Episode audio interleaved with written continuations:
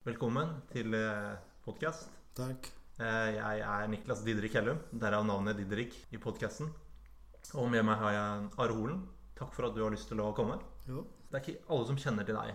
Eh, så kan ikke du bare begynne å fortelle litt eh, hvor du kom fra fra begynnelsen? Altså, hvor i landet kommer du fra? Så enkelt som det. Jeg kommer fra Oslo. Du kommer fra Oslo, ja. ja. Så jeg vokste opp i Oslo, og jeg studerte her i Oslo.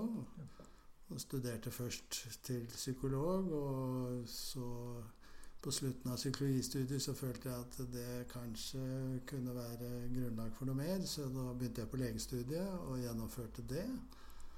Og når jeg da var ferdig med de to studiene, så ja, så hadde jeg jo tenkt å begynne å jobbe klinisk. Jeg var jo først uh, i militæret, og der ble jeg vervet til forskning, og der ble jeg.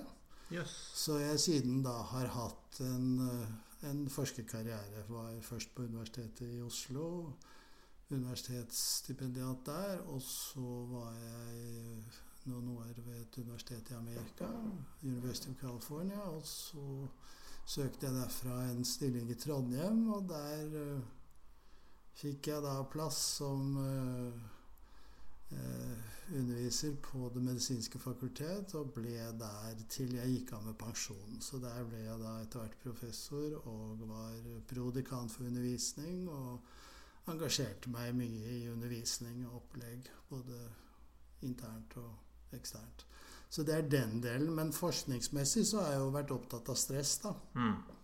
Og tok doktorgraden min på overlevende fra en ulykke i Nordsjøen som heter Alexander Kielland, som hendte i 1980, i mars. Mm.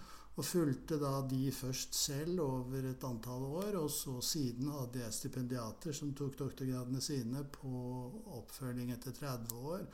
Og så har jeg vært involvert i mye forskjellig da, og sånn ikke hverdagsstress, men sånn ekstremstress. Mm. Jeg var i, i um, Thailand etter tsunamien der. Jeg var kalt til New York etter uh, 11.9., så jeg hadde ansvar for en gruppe som var berørt av den hendelsen i New York. Og jeg var i Japan etter jordskjelvet i Kobe, og har ellers da vært borte i uh, enkelthendelser og små katastrofer for personer og sånn. Så, så, det har vært liksom hovedtyngden i min forskning. Men så har jeg også drevet da med forskning på undervisning og på gruppeprosesser. Og min interesse for stress den er jo også koblet til min interesse, private interesse for yoga og meditasjon. Hmm. Jeg begynte med yoga da jeg var 16 år gammel. Og nå er jeg straks 74. Og eh, meditasjonsinteressen den kom da jeg var 17, og det har jeg holdt på med siden. Og da er jo spørsmålet Når du er 16-17 år, ja. da er du jo ganske Du er jo ikke ferdig utviklet Nei. på noen måte. Og hvordan finner en ung mann yoga og meditasjon og, og fortsetter med det? Ja, den gangen var jo yoga veldig ukjent. Nettopp. Eh, jeg husker at jeg hadde en haiketur, en sommerferie, og eh, gjorde yogaøvelser utenfor teltet mitt da, på en campingplass eh, litt syd i Norge. Og så kom det en svensk dame forbi, og så så hun på dette, og så sa hun Hva er det der? Og så sa jeg det er yoga. Jeg undrer på hva det heter på svenska, Mm. sa hun. Og, for hun hadde en, en slektning, en nevø eller noe sånt, som gjorde noe tilsvarende.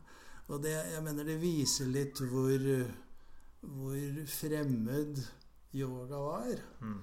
Og meditasjon likedan, det var jo noe veldig Det var et kjent ord, men det betydde jo ofte å gruble og tenke over ting og, og sånn. I en mer sånn ja, filosoferende retning. Ja. Hvilket jo etter hvert da ikke gjør. Altså hele meditasjonsbegrepet er jo etter hvert med innflytelsen fra Østen blitt omdefinert i, over hele verden. Så i dag så tenker folk på noe helt annet med meditasjon enn hva de gjorde den gangen. Så, men den gangen så var meditasjon også veldig rart og veldig fremmed.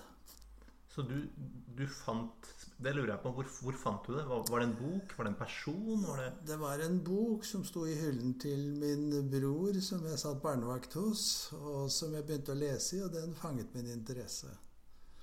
Og så kjøpte jeg jo den boken etter hvert, og så begynte jeg å praktisere dette og gjorde yoga én time hver dag i, i over ja, veldig systematisk i ett og et halvt år. Og så begynte jeg å meditere. Da gikk eh, yogamengden en del ned, og så kom meditasjonen isteden. Og det, altså for å koble tilbake til stress, er jo det liksom den motsatte siden av stress. da, Mens uh, hverdagsstresset og ulykkene og katastrofene drar deg opp i turtall når det gjelder hvordan du kroppslig og fysiologisk fungerer, så drar meditasjon og yoga deg andre veien ned. I hvile og rekreasjon og det som mer fornyer enn det som brenner opp. Så det er motgiften mot stress? På en måte. Ja. Sånn at, og livet skal jo ikke bare bestå av ytterpunktene her, av stress, eller bare bestå av hvile og avslapning. Det vil bli dårlig i begge deler. Så det er en god veksling mellom de to som er det fine i livet. Å kunne stå på virkelig og stresse når man trenger det, enten det er til eksamen eller for å årsoppgjøre ferdig eller for å nå en prestasjon eller noe sånt, og så da koble av. Hm. Og det er jo lagt inn i litt i livshjulet i vår verden også, at vi, vi jobber en sånn eh, seks, syv, åtte timer, og så har vi fritid og tilsvarende, og så sover vi de tre der. Og så har vi uken hvor vi da jobber fem dager, og så har vi rekreasjon i to dager, forhåpentligvis i hvert fall. Og så har vi årshjulet hvor, hvor vi har ferie i tre uker eller mer. Ja.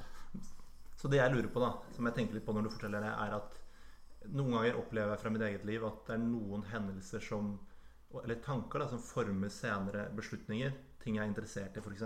Mm. Hvordan tenker du at yoga og meditasjon, altså den boken i din brors hylle, yeah. som du etter litt kjedsomhet fant frem, yeah. hvordan formet den ditt videre yrkesvalg? Eh, jeg vet ikke om den påvirket det så mye. Jeg, eh, min far var lege. Jeg har tre eldre brødre, atskillig eldre enn meg. Eh, to av de ble leger, og den tredje sivilingeniør. Så det var liksom klart for meg at eh, det var noe i den retningen jeg også beveget meg mot. Så det tror jeg var relativt uavhengig av det hele. Og at, eh, at jeg da i militæret kom borti dette med et forskningsprosjekt og ble forsøkt vervet inn i det. Først var jeg jo ikke interessert i det hele tatt. Og ble jo overtalt gjennom et år av den som var sjefen min, før jeg da omsider sa ja vel, ja, ett år, da. Og så men så ble det jo ikke ett år, da. For mm. da fikk jeg jo om ikke blod på tann, så i hvert fall fikk jeg lysten på at eh, Eller følte at jeg kunne ikke bare slippe dette og, og, og gå videre. Jeg måtte gjøre noe mer ut av det. Og jeg syntes det var spennende, og det var interessant og, og, fascinerende. Og den gangen så visste vi jo ikke så mye om stress og ulykker og katastrofer og hva det gjør med folk som vi vet i dag. Mm. Så, så det var jo et pionerfelt.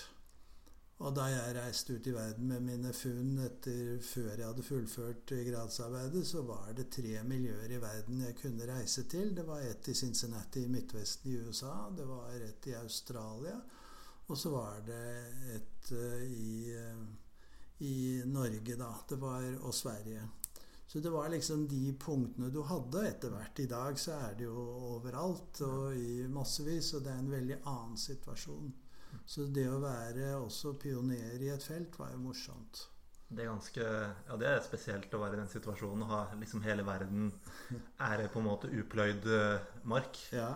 Eh, og så er jo litt eh, dette her med stress og Du forsket jo på det. Ja. Hva, hva, var det du fant ut av når du gjorde gradsarbeidet ditt eh, på denne Kielland-ulykken? Ja, jeg var jo opptatt av at noen mennesker fikk problemer mm. etterpå. Og noen fikk det ikke. Noen klarte seg veldig bra.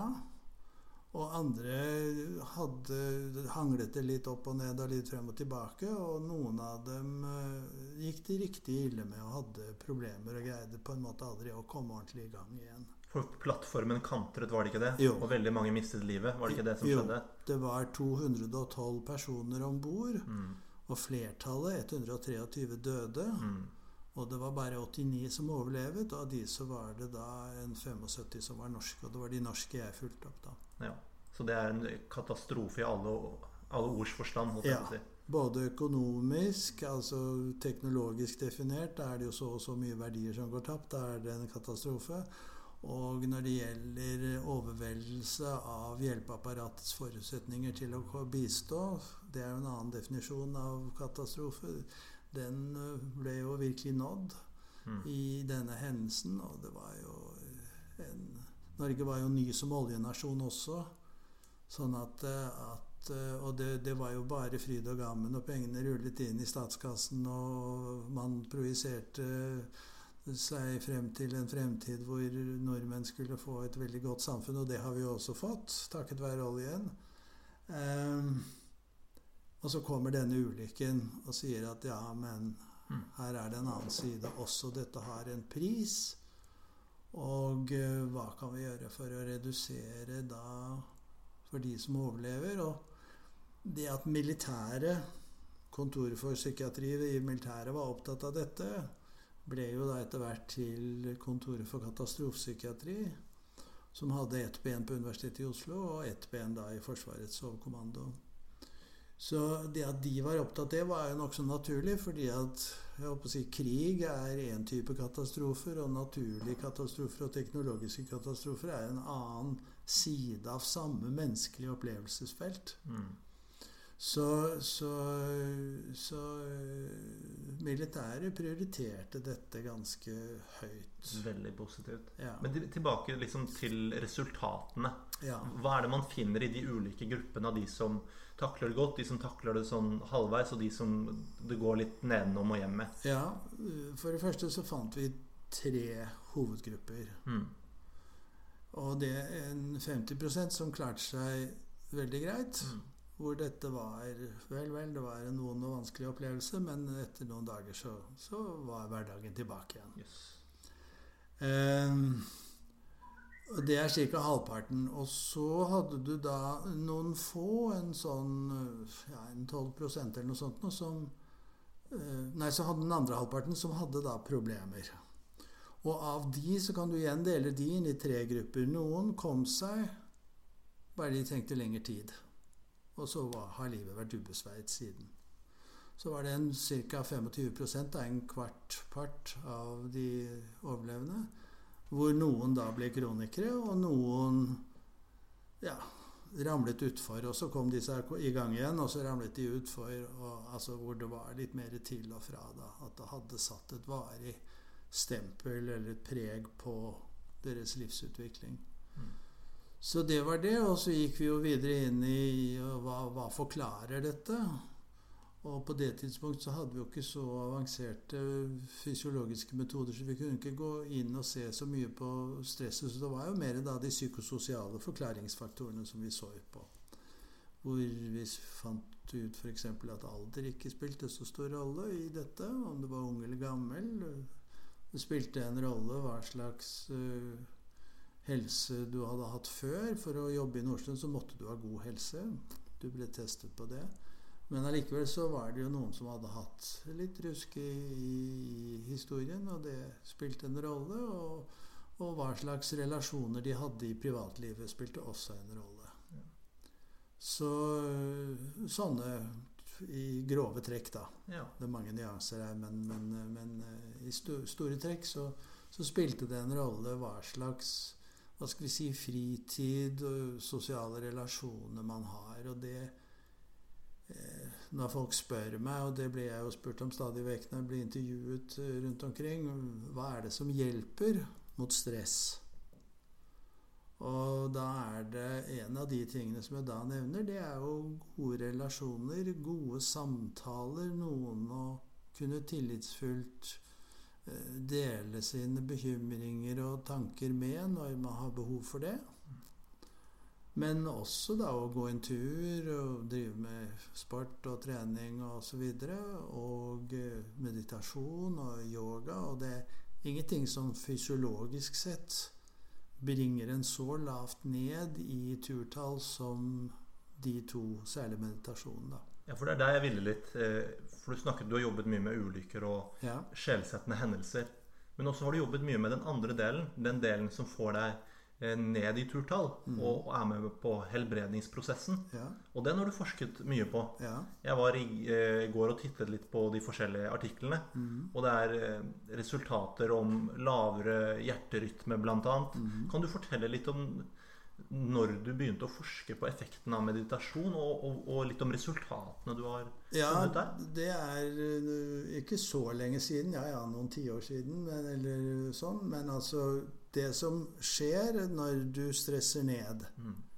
det er en kroppslig totalforandring som da foregår, som påvirker over 300 steder, forskjellige steder i kroppen.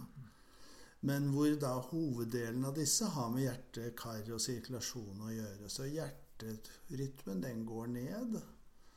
Og hjerterytmen den går ned øh, fordi også oksygenkonsumet går ned. Forbruket av oksygen. Cellene, De aller fleste cellene i kroppen trenger oksygen for å opprettholde sitt, øh, sin aktivitet. Og sånn sett så er jo da det oksygenforbruket du har, et tegn på cellenes hvor busy de er. Så når oksygenforbruket går ned, så, så er cellene mer inne i en hvileaktivitet. Og når vi da stresser mer, så puster vi mer, og cellene trenger mer oksygen. Så oksygenkonsumsjonen den går ned, ikke veldig mye, men den går ned eh, 12 til eh, ja, helt opp i 18% har vi målt hos enkeltpersoner når de da er i meditasjon. I forhold til hva de gjør ved vanlig hvile. Så Så, vi, så hvile er på en måte baselinen. At når man hviler, så tenker jo folk at da er man i ro, og da Ja. regenererer man. ja, Men det du finner at meditasjon er enda et nivå av hvile. nettopp. Mm, 18 da, hos enkeltpersoner. Hos enkeltpersoner. Bedre enn Ja. å ta seg, sove til og med? I snitt. Ja, eh, altså hvis du sover, så går også oksygenkonsumet noe ned. Men det går veldig langsomt. Du trenger en tre-fire timer for å komme ned i et redusert eh, eh, oksygenkonsum. Um, og så går det jo litt opp og ned, da, for vi svinger litt mellom søvnstadier, men altså sånn i snitt. Mens under meditasjon så går du ned på ti minutter ganske dypt. Du trenger ikke tre-fire timer på å komme langt ned. Og, og eh, du går bare halvparten så langt ned under sjøen som du gjør under, under den type meditasjon, da akke-meditasjon, som jeg er opptatt av. Og det, bare for å klargjøre, meditasjon er på en måte Det er mange former for meditasjon. Eh, observasjon av pust, og du kan Ja. si mantraer, altså du kan si setninger, eller synge dem på en måte. Ja, Men AK-meditasjon, hvordan er den? den er annerledes på den måten. Altså alle meditasjonsformer benytter seg av et meditasjonsobjekt. Noe du retter oppmerksomheten mot. Og det kan være pusten, som du nevnte. Og det er typisk da for de tradi meditative tradisjoner som er avledet fra tradisjonell yoga og buddhisme. Buddha var veldig glad i dette med pusteøvelser, og det fortelles at han, det var en bestemt sånn måte å observere pusten på som han var spesielt glad i. Ehm, og det er jo da kjent i dag som mindfulness-meditasjon. Eh, nå er det det å si at Buddha var jo opprinnelig en prins i Nepal, India, og, og eh, på, for 2500 år siden da han levde, så, eh, så vant buddhismen ganske stort eh, gehør i India.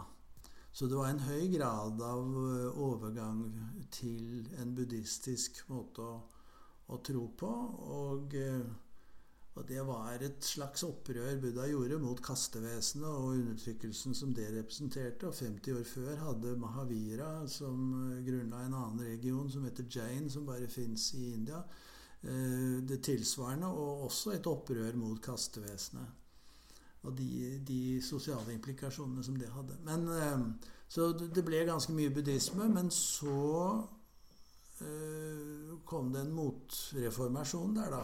Så i dag så er det bare 2% av Indias befolkning som er buddhister. Veldig få.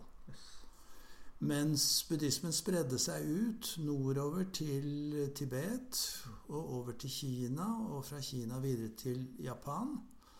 Og andre veien sydover, fra mot Sri Lanka og mot uh, Thailand og Burma og Vietnam og Kambodsja og den veien, Laos og sånn.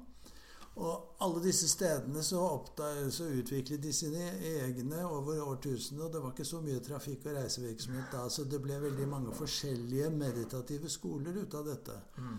Så når du spør, eller når man bruker betegnelsen mindfulness i dag, så dekker det en, en, en myriade av forskjellige ting. Det er nesten som å si sport. Ja, nettopp. Det er det. Fordi at eh, noe av det gjør du med åpne øyne mens du går tur eller spiser rosin eller går i trappen eller noe sånt noe, altså med aktivitet.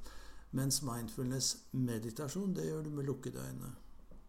Og det er jo det siste som er mest nærliggende å sammenligne seg med. Og noen av de bruker jo da en observasjonsform som er ganske konsentrert.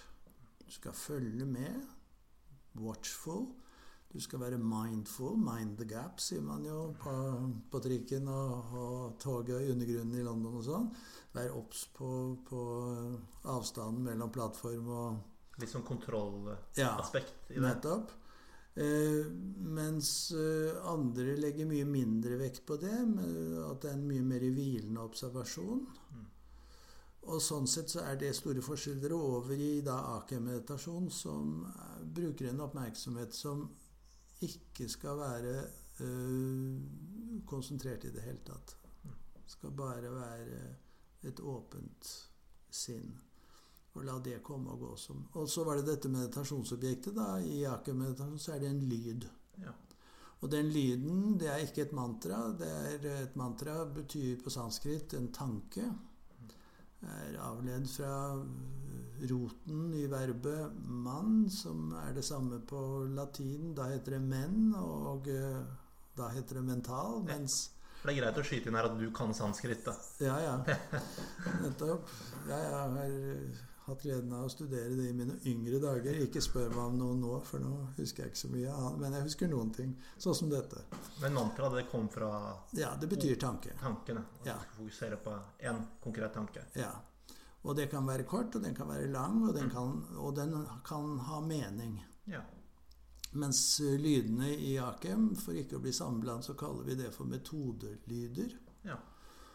Uh, som da ikke er et mantra, har ikke mening. Hvor det er ikke den språklige det språklige budskapet som skaper effekt, men hvor det er mer den musikalske og rytmemessige kvaliteten ved metodelyden som skaper effekt. Når du sier lyd, ja. hva mener du da?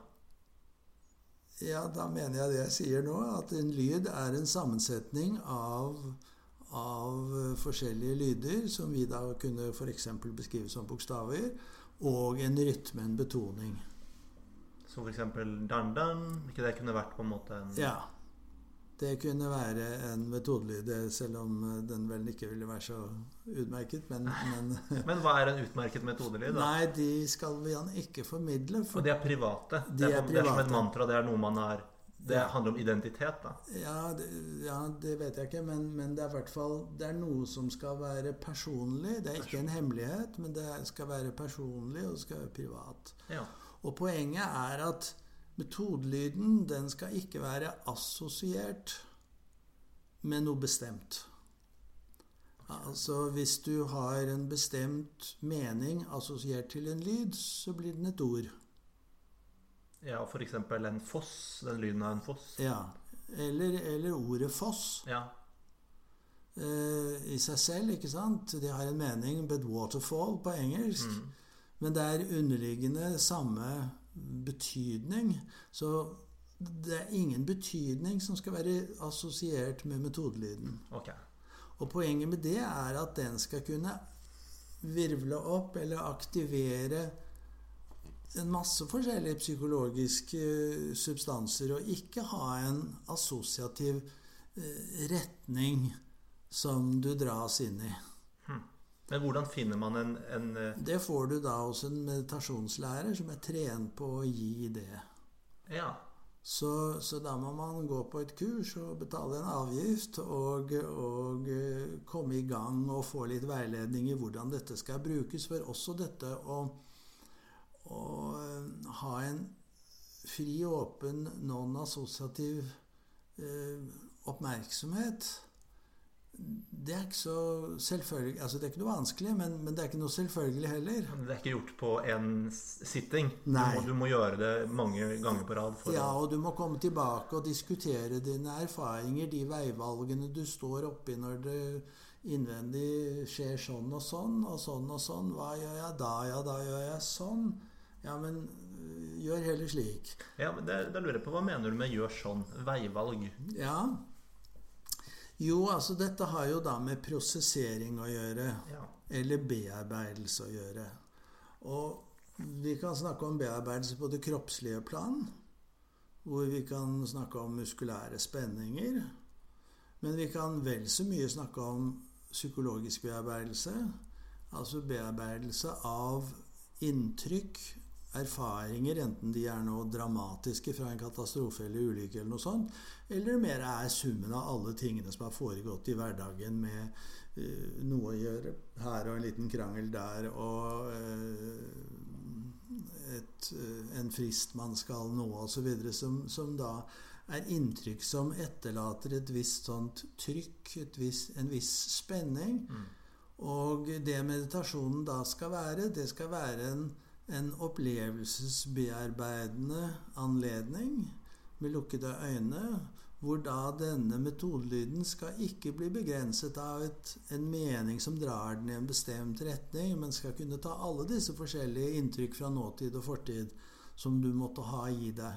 Og særlig når det da er inntrykkene fra fortiden, så er jo det Noen av de er jo formende erfaringer som har satt sitt preg på hvem er man, og hvordan lever man, og hvilke tendenser har man når det gjelder valg? Om man unngår ting, eller om man oppsøker ting, eller om man begynner å krangle med ting, eller man uh, Men tenker du da at hvis du bruker metodelyden og mediterer, ja. så kommer det opp f.eks. et eh, sterkt minne som kanskje er uh, negativt?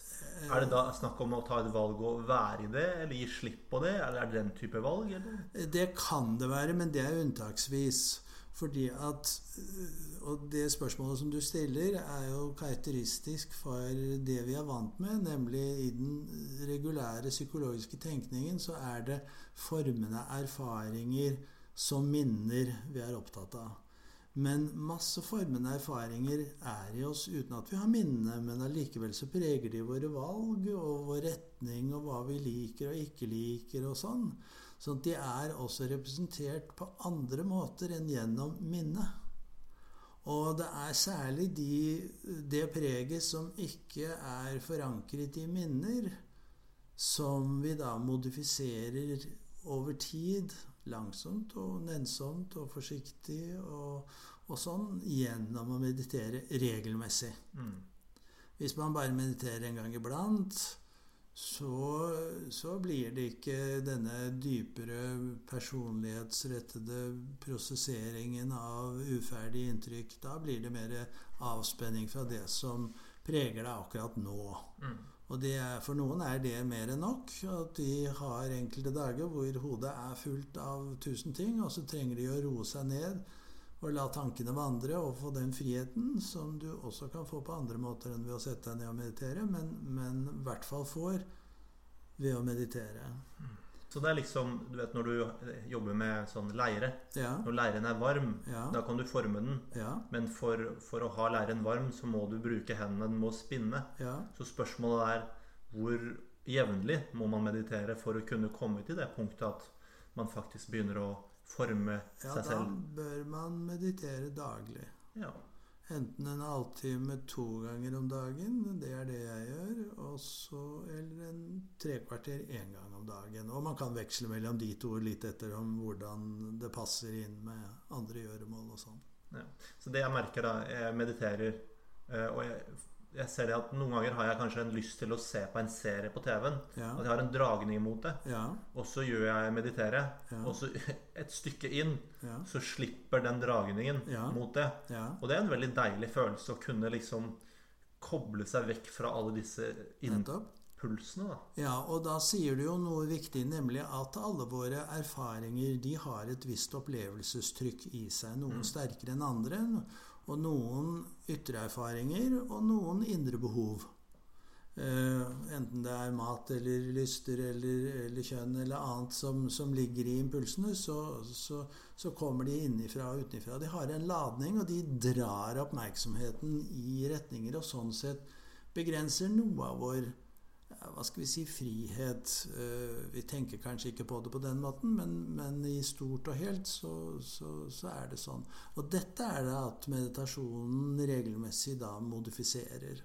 Så det er på en måte et, et verktøy for å være mer, eh, mer sin, Være mer friere, da. Og være mer bevisst sin, sine valg. At du velger veldig konkret. Da. Ja, jeg skal ha mat, men jeg skal kanskje ikke ta sukker. Ja, ja jeg vil bli underholdt, men kanskje ikke på den måten. Altså, Nettopp. Um, det er uh... Ja, så det, så det, øker den psykologiske friheten hmm. fra uh, den materielle verden vil jo alltid by på noen begrensninger. Eh, men, men, når det gjelder den psykologiske dimensjonen, de begrensninger som måtte ligge der, så kan man bygge ned de. Og i andre kulturer enn i den vestlige, så er jo dette liksom en slags livsoppgave. At når man blir voksen, når man vokser opp, så utvikler man seg år om annet pga. biologiske forandringer. Men når man har kommet opp til sånn Eh, rundt pluss-minus 20, så, så, slutter det.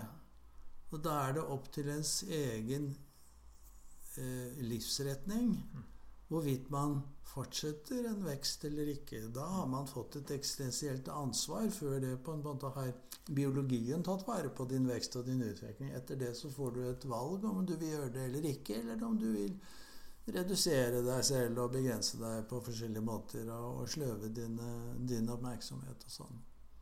Det, det, jeg så har erfart, er at eh, hvis jeg har veldig mye å tenke på, mm. og hvis jeg mediterer, så klarer det som jeg trenger å gjøre, mm. og komme frem helt tydelig. Mm. Og det er veldig beha... Altså, det er veldig nyttig, da.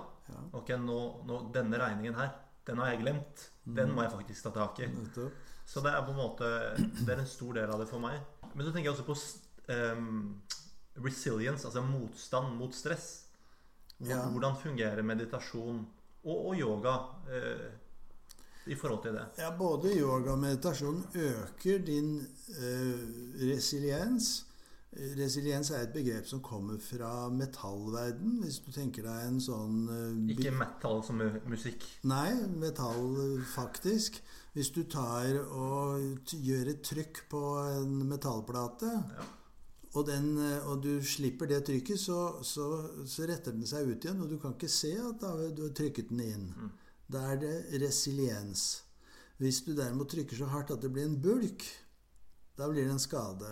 Mm. Så vi kan jo kalle det siste for traume, og det første som da en, en, en styrke, en fleksibilitet til å stå imot trøkket. Og det meditasjonen da gjør, og yoga også gjør, det er å øke en stresstoleranse, en resiliens, på sånne måter at man ikke kan ta hva som helst og tåle hva som helst. Det, det, det, er, det, er, ikke Men man kan tåle mer, og man kan klare mer. Så det er Ja, det var en overlege som kalte meditasjonen for 'det hemmelige våpen'. Det var mm. det han brukte når han da sto på Han var hadde en jobb hvor han av og til måtte bare legge private behov til side og stå på for å gjøre den typen operasjoner som han da var spesialist på. Mm. Mm. Jeg, jeg, leste det at det, det, er jo forskjell på folk også. For naturlig resiliens og jeg leste det at eh, det var en gruppe med forskere som var sammen med en bataljon i Afghanistan mm. med spesialsoldater mm. og vanlige soldater. Mm. Eh, og han ved en tilfeldighet var han der, og så ble de kuttet av fra forsyninger. Mm. Så de visste at det kom et angrep mot dem mm. innen en halvtime. Og så tok han spyttprøver for å sjekke mm, Det var vel kortisol, da, stresshormonet. Ja, det er stresshormon par excellence. Ja. Og det han så på de som var vanlige soldater, ja. var at da gikk stress, stressnivået gikk enormt opp ja. når de fikk beskjed om at de ble angrepet uten eh, backup. Men de som var spesialsoldater, da gikk stressnivået ned når de fikk beskjed om at de ble angrepet. Og det trodde han handlet med å gjøre at de menneskene de var på en måte det var det de likte å gjøre. Altså De var på en måte De ble rolige når det brant da, Ja. under føttene på dem. Og det, det vitner jo litt om at det er kanskje ganske stor variasjon mellom oss mennesker. eh. Det er det, men samtidig så vet vi også at uh, i, i noen grad i hvert fall så kan dette også læres. Mm. Trenes opp. Så da er du godt trent i noe, så er du mye bedre til å takle eh, farlige situasjoner enn hvis du ikke er trent. Altså Bare ta en, et eksempel fra hverdagen med en eh, ja, ja, hverdagen og hverdagen, en brann. Ja. så vil jo brannfolk vite veldig godt hvordan du går inn i et hus som er under brann, og sorterer gjennom det med røykstykker i utstyr og annet, og vet at du skal bevege deg lavt hvis det er nødvendig og, og sånn. Mens folk ellers, de tenker jo ikke på det. De har ikke den kunnskapen, så de bare kaver i vei, og, og ofte da kan bli forgiftet eller kan få røykskader som, som, eh, som andre da med kunnskap ikke vil få fordi de har en erfaring og en trening som gjør at de har en større grad av trygghet på hva kan man mestre, og hva mestrer man ikke. Så når du trykker, altså når stresset trykker, Ja, så er det på en måte som om det er mindre av hjernen som skrus av hos de som er trent, ja, forhold til de som ikke er trent, Ja. som får et veldig ensrettet fokus, og da snubler i den dørkarmen når de skal løpe inn, for eksempel. for eksempel. Det er det ene. Og så er det også det at eh, de som er trent, de har opparbeidet seg et, eh, noen sånne ritualer for hva de gjør. Mm. Hvordan gjør jeg når sånn og sånn skjer? Som gjør at du har en mestringstrygghet. Simulering. Altså, det, hvor viktig er dette for Jeg tenker politi, brannmenn, den slags. ja, det er veldig viktig. Okay. Er det viktig for vanlige folk også? Ja, i den grad de skal eh, regelmessig eller med stor sannsynlighet inn i faresituasjoner. Altså Presentasjon på jobben foran noen som skal kjøpe noe? ja, flere ganger du har gjort det, desto bedre blir det. Så gjentagelsen er jo noe, og bevissthet om det, og få gode tilbakemeldinger Mm. er viktig. Og også sånne ting som da meditasjon og yoga, som ikke er å lære deg akkurat en ferdighet, for det er jo ikke noe ferdighetslæring i, i f.eks. en presentasjon, men det er derimot du, du gjør tilgjengelig noe i deg selv som lettere gjør at du kan ta til deg den eh, læringen.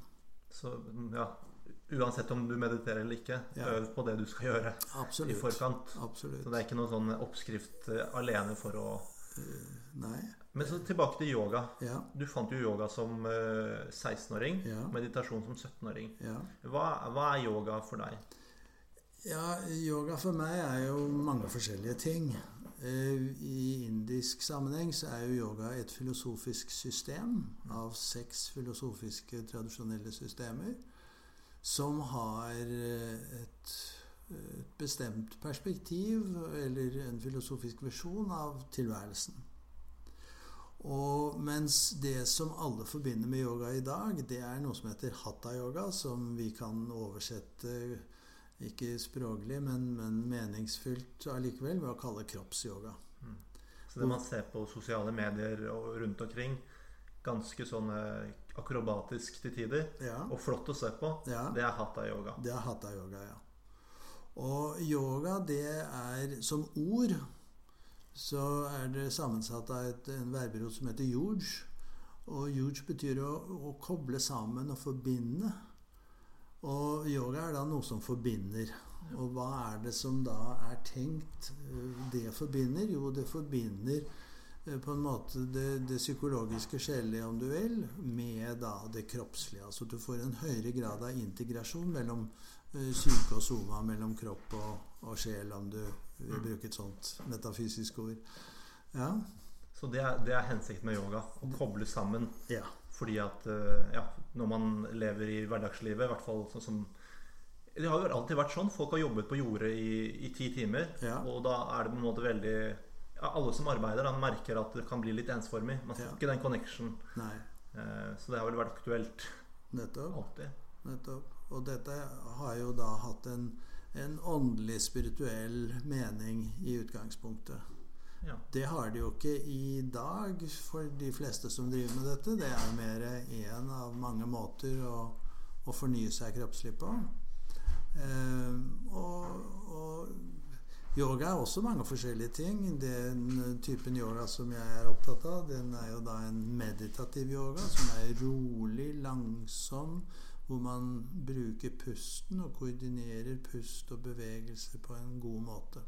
Og dette med pusten endte vi nå. Vi var inne på buddhistisk meditasjon og pus, observere pusten. Pusten styres av en av de hjernenervene som har med avspenning å gjøre. Mm. Så ved å bruke pusten på en bestemt måte, så rolig pust, puste ned i magen. Nå puster man ikke i magen, men, men det er det vi sier folkelig. Det er mellomgulvet, diafragmaen, som beveger seg nedover. To kupler som strammes sånn når vi puster, og som skyver maven ut. Det er, det er derfor vi sier 'puste med maven'. Men, men, altså bruker vi mavepusten så på en rolig måte, så, så roer vi oss ned. Ja, det er det alle sier. Pust rolig. Ja. Eh, men kanskje det, det, med yoga er at det hjelper deg kanskje også å puste rolig i det at bevegelsen Det er en aktivitet. Ja. At det, hvis du har veldig mye uro i kroppen, ja. så kan det der å være bruke kroppen også ja. kan forene på en litt uh... Nettopp. Og så er det i yoga, i motsetning til da sport og gym og sånn, hvor kontraksjon, altså styrken, dette å ta i, er det vesentlige, så er det i yoga så er det dette å få til en god strekk. Og i strekken så stimuleres da i senefestene til musklene noen sånne spoler som, som sender signaler til hjernen som sier 'slapp av'. Sånn at strekken en Strekken og pusten er på en måte to sånne Det er flere, men to sånne sentrale nøkler til den avspenningseffekten som yoga da gir. Så når, du, når man ligger og, og, strekker bena sine, og ja. det gjør, gjør, vondt da, siden man er litt stiv av ja. fotballbein ja. Det er ikke noe faresignal som går til hjernen? Det er mer enn Eller er det man skal ikke ta i for mye? Det det man skal aldri ta i for mye, men man, man skal likevel strekke, og strekke langsomt og, og, sånn. Og da gir kroppen litt etter inntil man kommer til en sånn grense. Og så holder man det der litt, og så går man tilbake igjen. Yoga skal ikke være noe prestasjonsorienterte greier. Det er ikke noe konkurranse i yoga. Uh, så, så, utførelsen, den skal være samlet, rolig og, og, og, hvor man eh, da kan tøye sine grenser litt. Grann. Det var litt interessant i den yogaboken som du har vært med å skrive. Ja. Der står det at uh, dette med forsenkning ja. At når man gjør en yogabevegelse, holder den i 5-30 sekunder, ja. så skaper man på en måte en, en, en ro i kroppen som kalles forsenkning. Og den bygger seg opp sånn at man får masse ro, altså forsenkning til slutten. Nettopp. Men det står også at i, da, i Akem-yoga ja. at man skal bruke litt tid mellom hver store øvelse. Ja, ikke mye. Til å være litt i forsenkningen, ja. men ikke for mye. Ja. For da bruker man opp potensialet Nettopp. som man kunne hatt til slutt. Nettopp. Kan du fortelle litt om dette med forsenkning, da? Ja, altså for å ta det systematisk, da, ta mellom hver øvelse mm. Hver øvelse er jo en viss anspennelse, en viss anstrengelse. Ikke stor, men, men allikevel. Og det akrobatiske yoga det er bare for å imponere andre. Det, det, det fins masse yoga som ikke er noe akrobatisk. Mer eller mindre alle kan gjøre yoga. Du bare behøver ikke gjøre de tingene som ser halsbrekkende ut, og har effekt av det. Men poenget altså er at man man øh, gjør øvelsen, og da går man inn i en anstrengelse. Og så skal man da kunne slippe den anstrengelsen og de restene som det skaper. Så der har du igjen denne vekslingen mellom innsats og hvile. Og ved å oppøve den evnen til å prestere når du skal prestere, og kunne rekreere når du kan rekreere, eh, også mellom øvelsene, er et poeng. Og så har du da dette over hele sekvensen, at du skal ikke rekreere for lenge mellom øvelsene. Sånn at du, du, bruker opp det forsenkningspotensialet som du bygger opp. Men når du da er helt ferdig, så legger du deg og er død. Ja. I en stilling som heter likøvelsen. Og da, den heter savasana. Eh, på sanskrit. Betyr likøvelsen. Da skal du være som et lik. altså Du bare legger deg der, og så er det som å trekke ut kontakten av telefonen, og så bare lar du humla suse, og så vil Og da er det ikke noe meditasjonsobjekt. Da er det ikke noe metodelyd, eller du skal ikke føle pusten, eller du skal ikke noen ting. Du bare rett og slett skal flyte på den bonusen som du har opparbeidet, akkurat som med flyselskapene. At hvis du har tilstrekkelig bonus, så kan du få en gratis reise. Deilig. Ja, Så det er da den meditative aspektet av, av shavasana.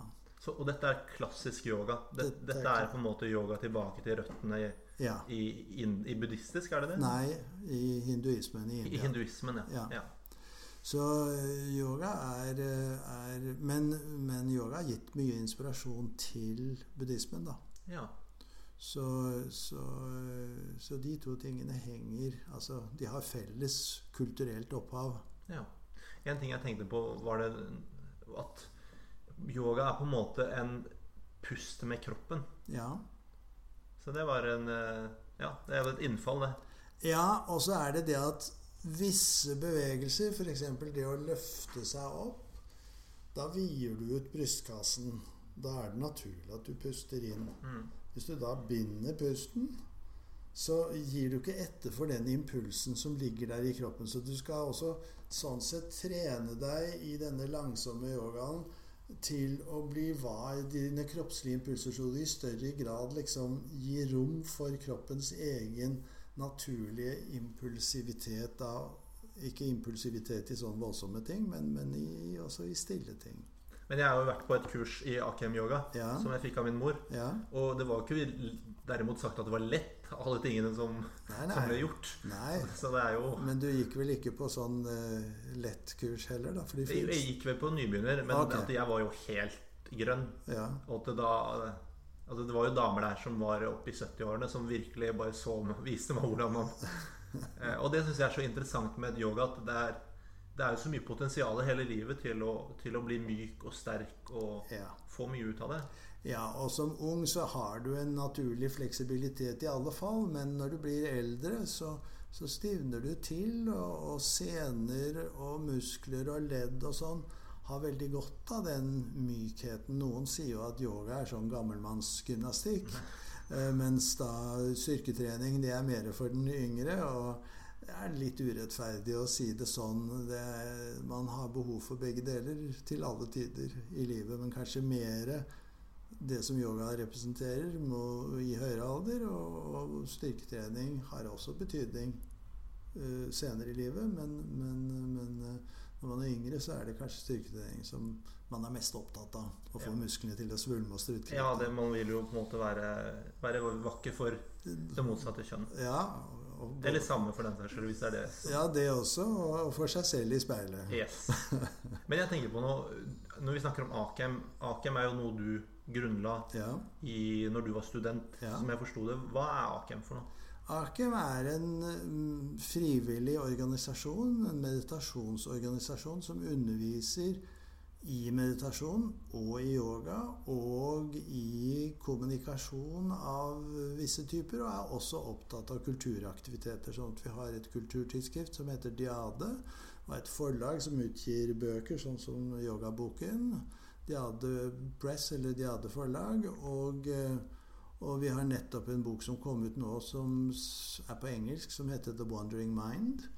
Og som eh, tar for seg betydningen av dette å la sinnet bare vandre. Noe man oppnår f.eks. ved å gå på tur. Eller sitte på bussen og bare titte ut av vinduet. Ja. Men det er ikke så mye av det lenger. Nei, vi skal alltid proppe oss full med, med noe hele tiden, så vi går med propper i ørene og, og, og eh, skal ha input hele tiden. Men Akem, hvor kom ideen fra? Var det noe du gjorde på egen hånd? Når var dette? Ja, dette var, jeg var 21 år da jeg startet Akum på Blindern og var student. Og jeg hadde jo en inspirasjon da for så vidt i å holde på med yoga. Jeg hadde interessert meg for forskjellige meditasjonstyper. Og hadde også erfaring fra India, og ut ifra det så, så, så begynte jeg dette. Og da var det pionerarbeid, for det var veldig lite av dette her eh, på Veldig. Blindern. Og Veldig lite. du, du er jo en del av den generasjonen som var på en måte flower hippie-generasjonen. Ja. Der det var mye indiske Ja, Men fortsatt så var du kanskje litt tidligere ute enn Ja, jeg var nok det. Jeg var litt før ute enn en når selve rushet kom. Men, men jeg sto klar, da. Du sto klar til å ta det imot, ja. Det må være litt flott, da. Men hvordan har Akem eh, vært i ditt liv? da? Hvilken rolle har Akem spilt? Ja, Akem har vært en viktig og stor del av mitt liv, og jeg har vært opptatt av hele tiden å utvikle meditasjonsforståelsen og meditasjonspsykologien, sånn at vi kan hjelpe folk til, til de meditative prosessene som vi er opptatt av at de skal få til. Eh, mange som underviser i meditasjon, har masse filosofi og masse religiøse sitater og sånn som de kommer med. Hos oss er det ikke noe av det. Hva, hva vil dere få til? Ja, det vi er opptatt av, det er erfaringen. Hmm. Hjelp til den meditative erfaring. Og da behøver du ikke fortelle folk så veldig mye, bortsett fra det som har med teknikk og mestring og forstå prosessen og sånn. Og, og, og så videre. Så, så, så vi er mer eh, Vi er ikke så opptatt av hva du skal tro, og hva du skal forstå, og hva du skal mene osv., men mer opptatt av at du, når du sitter der, så skal du treffe de valgene inni deg som gjør at du kommer enda et hakk dypere. Og enda mer får omformet noe av det som åpner muligheter og ressurser i deg. Og som gjør deg noe mer ferdig med rester fra nåtid og fra fortid. Og på den måten da kan ha et ikke perfekt liv og ikke et fantastisk liv nødvendigvis, men, men et bedre liv enn hva du ville hatt uten. Så, så mange som driver med mindfulness, har jo gjort dette til levebrød. Hos oss, Jakim, så tar vi også betalt for det vi gjør. For vi skal betale våre regninger, vi også, for, for ting. Men, men, der har ikke folk da betalt for undervisningen. De, de, de skal gjøre dette ut fra en dedikasjon til formålet. Det er jo veldig fint, da. Ja, jeg syns det. Men for noen vekker det skepsis, da. Å skape en organisasjon. Mm. Hvor, hvor, viktig har denne visjonen vært for deg, tenker jeg? Nei, Den har vært der hele tiden og vært veldig klar og veldig tydelig. Mine egne erfaringer med yoga og meditasjon tidlig var av en sånn art at, at uh, Jeg visste vel ikke når jeg var 16 år at dette kom jeg til å holde på med resten av livet, men, men når jeg var uh, sånn 1920, så, så var det nokså klart for meg at dette her, det det, dette kommer til å bli en del av mitt liv. Uansett hva jeg ellers da måtte gjøre. Ikke sånn at jeg kaster alt over bord og bare skal drive med dette og leve av det, men tvert imot. Jeg var veldig opptatt av at jeg skulle ha utdannelse, og jeg skulle utdanne meg og, og, og sånne ting. Og det har jeg også gjort. Spennende. da. Var det, jeg lurer på liksom, Var foreldrene dine av den åpne typen som var interessert til uh, ja, yoga og meditasjon, eller var det litt sånn Oi, hvor fant du dette? Nei, de var ikke positive til det. Min far var veldig skeptisk. Han var skeptisk, ja? Ja, ja, ja. Det at jeg begynte med yoga og meditasjon og sånne ting, det, det Han kalte yoga for yuga. ja, Skjemtsomt, da. Det er dårlig gjort. Han, var, en, han var en veldig sindig og, og, og, og, fin mann på alle mulige måter, men, men, men han ga også uttrykk for sine synspunkter og sine meninger. Og, og han, nå visste han ikke at yoga var et ord, men, men det er så. Det er en tidsperiode. Ja. Uh, uh, nei, så han var skeptisk til det, og veldig undrende til hva var det som opptok meg. Han var av bakgrunn Han var jo lege, da, men var, var hva skal jeg si Det er vel riktig å si at han var ateist. Ja. Det du gjorde som så ung ja. Du så noe som var på en måte veldig generasjonsgap. Ja. Så som Hvis du begynner med yoga i dag, så er det temmelig ordinært. da ja. Men eh, det kan jeg tenke at var litt Du gikk jo mot the grain, heter det. Eller mot, ja, strømmen. Mot strømmen. Men nå når vi ser på eh, meditasjon og yoga i dag, så er det på alle selskaper har de som en del av ja. eh, til sine medarbeidere. Det er på for alle aldre, da. Ja, Så det har på, skjedd enormt mye på ja, på godt og på vondt. Fordi at det som da sånne som meg er litt bekymret over, at mye av det er sånn som jeg ikke har så altfor stor respekt for. Altså Det fins mange seriøse og, og, og sånn der ute, men det er blitt veldig kommersialisert, og det er blitt, og det er blitt veldig utvannet. Sånn at, at, eh, at eh, Hva skal vi si Det som er styrken i det, syns jeg av og til jeg opplever at den er blitt borte. For jeg, jeg tenker at Det som står i den yogaboken, er at man skal bruke mindre energi enn det man får ut. Ja.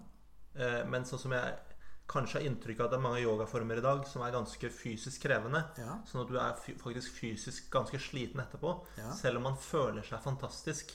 For er, man får jo strukket og beveget seg. Ja. Så det er kanskje på en måte, det er litt forskjellig utbytte da, Ja. av de to yogaformene. Og det er litt, kanskje litt vanskelig å skille mellom de to for en som ikke vet forskjellen. Absolutt. absolutt. Det ble skrevet en artikkel for noen år siden som heter 'Yoga against yoga'. Altså yoga mot yoga. Hvordan utviklingen i Vesten av det som kalles yoga, på en måte går imot det som mer tradisjonelt er yoga. Nå er jo denne gymyogaen, som du hører mitt underfall eh, Du er ikke så særlig begeistra for det. Men, men du kan det. Du har sikkert prøvd alt mulig forskjellig type yoga. Altså, jeg. jeg, jeg, er veldig for trening og, og du- styrketrening og sånt nå. Men, men yoga er for meg noe annet enn det. Man mister noe, rett og slett. Ja, jeg syns det. Den forsenkningen, er det den det handler om? Er det den man mister med den type Blant annet. Og dette kommer jo også, denne gymyogaen kommer jo også fra India. ja. Men den er av nyere dato. Den, den startet sånn på slutten av eh, Nei, begynnelsen av dette århundret. Og vi vet jo akkurat hvilke personer det var som, som brakte det ut fra Mysore i India. Og, eh, og som ble veldig sånn populær i Vesten, da. Og, og hvor det var en akrobatikk og, og, som gjorde stort inntrykk på folk, og en, en eh, intensitet i treningen. Men det er ikke noe original yoga. Det er interessant. Så hva er det du ønsker, da? Hva er det du ser for deg? Hvordan kan man på en måte få disse to formene til å eh, møte hverandre? Eller få, få mer øynene opp da, for forskjellen? Nei, jeg, vil- jeg ville vel egentlig at, at man ikke skulle bruke yoga på det, som betegnelse på det som mer er styrketrening. Og heller kalle det for noe annet. Ja. Pilates eller et eller annet sånt som har plukket opp biter fra yoga og tatt inn det osv. Det syns jeg er renslig. ja. Men, men det å, å, å Nei, nei, det Men det, kanskje jeg tenker at det, det er jo positivt uansett at uh, hvis du på en måte liker et band som er innenfor en sjanger, så er det veldig lett å finne det bandet du liker når du er på en måte innenfor sjangeren. ja. Så jeg tror på en måte personlig at det er bra at folk oppdager noen varianter. Altså det, det, det som er bra, er jo at folk bruker sin kropp. Ja. I det moderne samfunn, til forskjell fra det tradisjonelle samfunn, bare for 100 år siden, så brukte jo folk kroppen sin på jobben. Nå bruker man, sitter man stille på jobben. Mm. Og, og, og vi, vi bruker kroppen når vi har fritid i moderne tid, mens den gangen så hvilte de og gjorde ikke noe når de hadde fritid. Så liksom hele kropp-hvile-perspektivet i livet er snudd på hodet. Og det, var, og det har jo vært atskillige sykdommer som har plaget de vestlige samfunn som henger sammen med for lite bevegelse. At folk eh, spiser for mye og spiser eh, legger på seg og, og på den måten og bruker kroppen altfor lite, og på den måten da får det vi nå kaller for livsstilssykdommer. Men jeg lurer på en ting. Du har jo forsket på, på meditasjon og på stressmestring. Ja. Hva er på en måte dine Du er pensjonist nå, men du er fortsatt tilknyttet eh, Universitetet i Tromsø. Nei, Nei, i Trondheim, Trondheim. som NTNU, som Ja. Professor emeritus, er det ikke det det heter? Emeritus. Emeritus. Ja. Hva, hva er dine neste prosjekter eh, du har på gang? Ja, jeg er jo involvert i en del doktorgradsstudenter som holder på å kvalifisere seg, og noen med tilknytning til det militære, og folk som har vært i Afghanistan og sånn. Og, og jeg holder på med andre eh, prosjekter også som er mer på stressiden akkurat for tiden, da. Men innenfor Aken så holder jeg jo på så godt jeg kan og prøver å, å tydeliggjøre den innsikt og få gjort den som vi har opparbeidet, og få gjort den skriftlig tilgjengelig, sånn at det ikke bare er muntlige kilder, men også skriftlige kilder for den i større grad. Og for deg er det viktig at alt det du, på en måte, den yogaen og praksisen du driver med, Mm. også er vitenskapelig eh, eh, hva heter det, dokumentert? Er det, er det en viktig del av det? Eller er det Ja, eller i hvert fall er ikke på tvers av det. Skal være forankret i en forståelse som, som er vitenskapelig. tar, tar du det inn i f.eks. yogalærerutdannelsen i Akem eller, eller meditasjonskursene? Eh, I noen grad, ja. Ja. Men, men, men vi, vi, er ikke, vi er ikke opptatt av å undervise folk i forskning. Nei. Og forskningsresultater. altså Vi kan gjøre det òg, men vi, vi, er opptatt av at den undervisning vi gjør Mm. og gir, og de verdier som vi da setter opp, og idealer som vi tegner, de skal være helt forenlig med en moderne forståelse av hva som er sunt og riktig og godt for folk. Både psykologisk og for kroppslig. Så yogaen, du gjør fortsatt yoga og meditasjon? Ja da, hver dag. Og for en person som hører på, som har kanskje vært på en yogatime eller to, eh, som har hørt om meditasjon, Ja, som vil inn i det, ja. hva tenker du er Hva ville du gjort da hvis du var helt fersk? eh? Nei, jeg ville jo helt klart gått på et meditasjonskurs. Og det er jo et innføringskurs, et grunnkurs. Og så gjerne fordypet meg litt videre i det. Fordi at eh, grunnkurset setter deg i gang, men det gir deg ikke en, en videre forståelse ut fra erfaring om hva dette dreier seg om. Man må nesten dra på en retrett eller, eller holde på med det over et litt lengre tidsrom før man Og ha hatt kontakt med miljøet i mellomtiden. Ikke sånn veldig tett og, og mye, men, men uh, sånn litt veiledning fra tid til annen og sånn. Slik at man forstår de prosessene man kommer inn i. Fordi de forklarer seg ikke selv. Interessant. Ja. De, de, man kan ha erfaringer, men man skjønner ikke hva det er man har erfart. Så mentorskap, Ja. det er en viktig del av Akem-filosofien? Det er en veldig Filosofien. viktig del av det. For å, å bli i stand til å nyttiggjøre seg sine egne erfaringer og, og, og utvikle dem. Hmm. Sånn kan det jo være med mange ting i livet. At man kan erfare ting, og, og det bare passerer. Og man Hva skal vi si Skjønner ikke helt hva det ligger av muligheter i det. Men hvis du er i den rette sammenhengen, så kan noen peke ut og tydeliggjøre osv. at her er det muligheter videre i sånn retning. Det, nå er, nærmer vi oss slutten her, tenker jeg. For vi har brukt en time og seks minutter. Vi skulle bruke en time, så det er bra. Men jeg, jeg vil eh, gi deg en utfordring, da. Eh, det må være i ubehaget. Hva, hva betyr det for deg?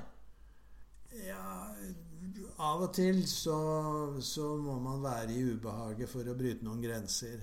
Men jeg vil ikke slutte meg til en filosofi som at det er bare i ubehaget at grensene brytes. Tvert imot. Så, så Men man må også kunne være villig til å, å ta et ubehag. Og man må kunne tåle en viss forvirring og en viss usikkerhet for å komme videre. Hvis man skal ha allting bare trygt og, og, og sånn hele tiden, så, så, ja, så blir det en begrensning av ens muligheter til å utvikle seg. Veldig bra. Tusen hjertelig takk for at du Ja, ville komme. selv takk.